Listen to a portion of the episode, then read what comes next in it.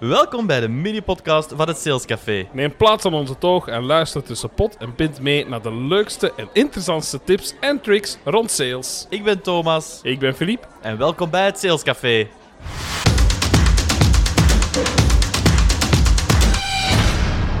Dag iedereen en welkom op uw twee wekelijkse afspraak in de tent die altijd open is voor een nieuw vat verkoopplezier. We hebben eh, vandaag een nieuwe aflevering, hè, Thomas. Welkom terug. Yes, dankjewel Filip. Waar gaan wij het vandaag over hebben? Vandaag gaan we het hebben over research. Een woord dat jij goed kan uitspreken, Ja, als u, eh, lieve luisteraar, research hoort, eh, dat is geheel mijn eigen schuld. En eh wend er maar aan, want het gaat nog voorvallen waarschijnlijk. Bij deze ook de research bingo. Bij vijf keer roep in de wagen of op de fiets. ja, als u dan als eerste reageert op Instagram, dan wint u een prijs.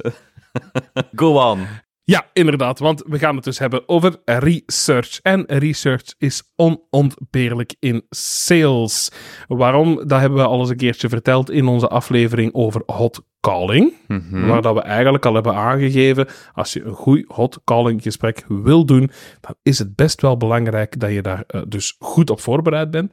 En voor deze aflevering te kaderen hebben we natuurlijk een nieuw voorbeeld meegepakt. En eh, deze keer ben je een bedrijf en hebt, eh, bent er zo net in geslaagd om een nieuw product te ontwikkelen. Een nieuw type vruchtensap. Ah, Juicy Fresh. De smaakrevolutie in een fles. Sappige explosies van puur fruitplezier. Verfrissing was nog nooit zo verleidelijk. Juicy Fresh. Waar dorst en smaak elkaar ontmoeten. Proef het leven. Proef Juicy Fresh. Filip, wat is dit? Hier had je mij niet van op de hoogte gebracht. Ik kon het niet laten. Sorry. Dus, Wauw, ja, mooi. Dankjewel, dankjewel. Als u mij wilt boeken als stemacteur, ehm, de gegevens vindt u op onze Instagram-pagina. nu, ehm, we gaan het dus hebben over ons nieuwe product dat we gelanceerd hebben. En dat nieuwe product willen we natuurlijk aan de man brengen bij verdelers. Wij zijn de groothandel. We willen het kunnen verdelen aan dus de detailhandel. Oké. Denk daar bijvoorbeeld aan tankstations, supermarkten, eh, alles waar dat ze dat soort product verkopen. Maar allereerst, vooraleer dat we daar verder op ingaan, is misschien eerst goed om de definitie van research eens een keertje goed te benoemen. Wel, Filip, de definitie van research hebben we opgezocht en dat blijkt te zijn onderzoek. Ook wel research genoemd verwijst naar het proces van systematisch verzamelen, analyseren en interpreteren van informatie om nieuwe kennis te verkrijgen, bestaande kennis uit te breiden of problemen op te lossen.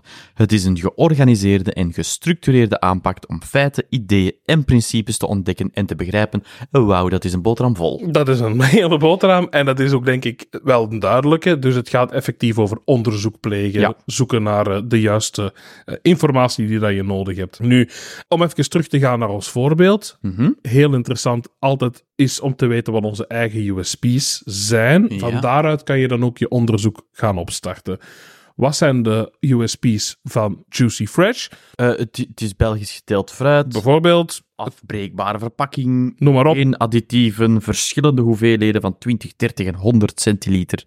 En je kan onder private label produceren. Ja, voilà. Dus met die informatie kunnen wij naar onze klant toe gaan. Mhm. Maar om zeker te zijn of dat dat wel iets is waar onze klant naar op zoek is, gaan we dus aan research doen.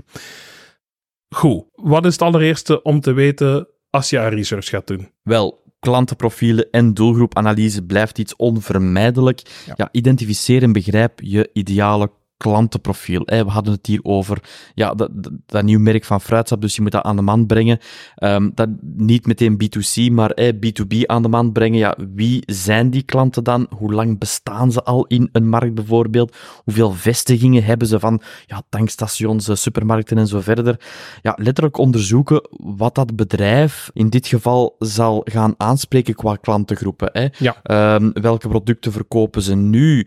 Hoe is die presentatie in de winkel? Welke prijzen hanteren ze? Ja, En zo verder. ja, Ja, ja. dat klantenprofiel in die doelgroepanalyse is best heel breed. Ja. Daar kan je drie, vier afleveringen over maken, denk ik zelf. Maar dit is eventjes heel kort de essentie. In een notendop is dat wel hetgeen waar dat denk ik ja, het meeste info al, al kunt gaan uithalen. En als we het dan weten van onze eigen klanten die dat we willen gaan aanspreken, ehm, of onze eigen potentiële klant beter gezegd, want we hebben het nog niet verkocht, is misschien ook wel belangrijk om ook naar onze eigen concurrentie te kijken, om Mhm. te zien van ja, hoe gaan pakken zij dat aan? Wat hebben zij te bieden? En hoe kan ik mezelf onderscheiden van mijn concurrenten om ervoor te zorgen dat mijn klant het product bij mij zou gaan afnemen, zou gaan kiezen voor het vruchtensap dat we zelf ontwikkeld hebben. Ja, en, en techniek, gelijk als je een SWOT-analyse en dergelijke, Ja. dat helpt nog altijd om die punten te kunnen identificeren en ja, iets gaan zoeken wat dat u kan differentiëren, inderdaad, zoals als jij zegt, van die concurrenten. Ja, we zullen ook een voorbeeldje, een schemaatje van een SWOT-analyse misschien delen via sociale media. Dat Ja. is altijd fijn, dan kun je zien dat dat eruit ziet, maar je kunt daar heel veel dingen over opzoeken, maar het geeft u alleszins een heel helder beeld van, eh, van jouw eh, positie in, eh, in de markt. Hoe dan ook, we hebben het al een stukje gehad over de USP's, ook bij concurrentieanalyse. Luister zeker en vast een keertje naar onze aflevering over USP's, Ja. want daar ga je heel veel info kunnen uithalen over hoe dat je met USP's moet omgaan of wat dat je ermee kan doen. En dan misschien ook goed om een keer naar het verkoopproces te kijken. Hè? Ja, probeer te identificeren wat is nu juist dat huidige verkoopproces en wat zijn die knelpunten en opt optimalisatiemogelijkheden daarin. Ja. je verkoopt fruitsap, Ja. dan moet je niet binnen zes maanden toch gaan verkopen als het vers, vers geperst is. Ja. ja, dat lijkt mij logisch. Bijvoorbeeld dus just-in-time delivery is een van die onderdelen in die supply chain. Ja. identificeer dat en probeer dat dan zo goed mogelijk te optimaliseren. Optimaliseren en te anticiperen naar de wensen van uw eigen klant. Hè? Ja, dat is niet het enigste natuurlijk. Hè. Er is Nee. ook nog zoiets als prijs, Filip. Ja, zeker. Onderzoeken van uw prijsstelling is heel belangrijk. Onderzoeken van vergelijkbare producten, de diensten die dat je aanbiedt in de markt. Dus zit je qua prijs op een bepaald moment in een hoger segment, ja, dat kan en dat is ook niet erg. Je mag duurder zijn dan een ander, maar je moet je wel weten te onderscheiden. Het is wel belangrijk natuurlijk dat je realistisch bent. Hè? Ja. Als alle fruitsappen gemiddeld, eh, ik zeg maar iets, 3 euro kosten voor een fles van een liter en die van u kost 12 euro, dan moet er wel zeker van zijn dat er een gouden dop op zit, want anders dan gaat het eigenlijk niet meer kunnen onderscheiden, denk ik.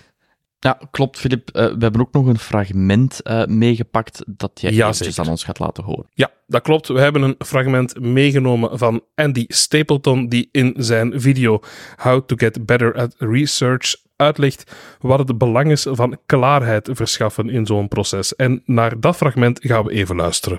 Getting better at research means constantly seeking clarity. Ask why all the time. That should be at the front of your mind. When you are doing a certain experiment, no matter how it goes, whether it's sort of uh, good, bad, indifferent, you should ask yourself why. Become that annoying sort of uh, uh, toddler in the back of the car that's like, why?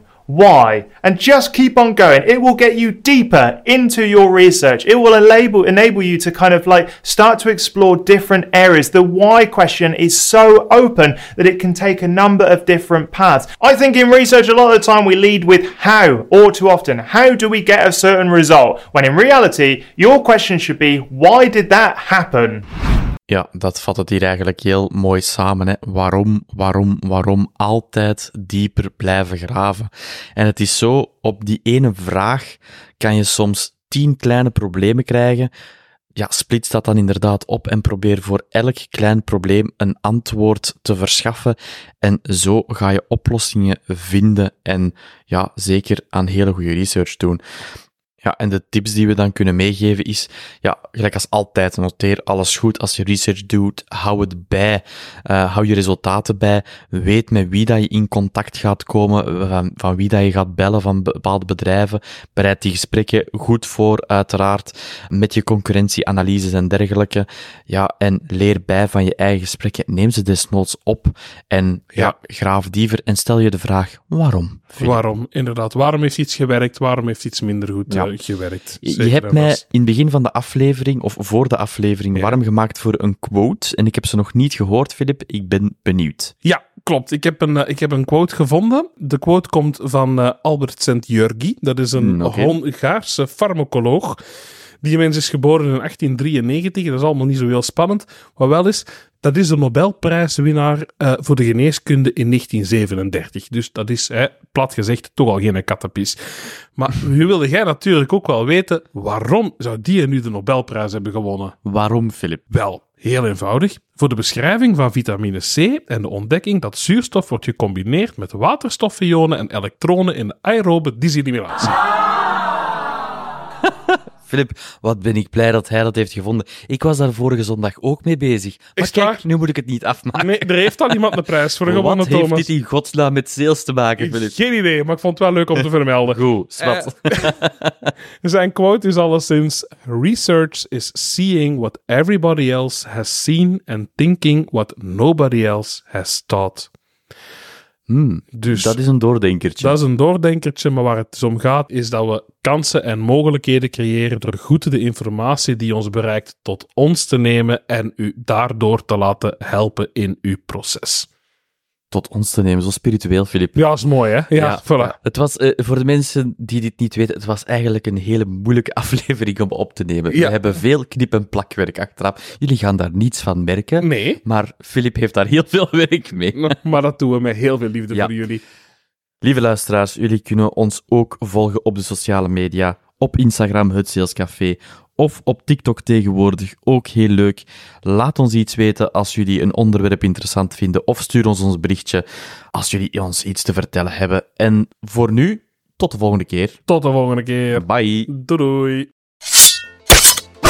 Ah, Juicy Fresh. De smaakrevolutie in een fles. Sappige explosies van puur fruitplezier. Verfrissing was nog nooit zo verleidelijk. Juicy Fresh. Waar dorst en smaak elkaar ontmoeten. Proef het leven. Proef Juicy Fresh.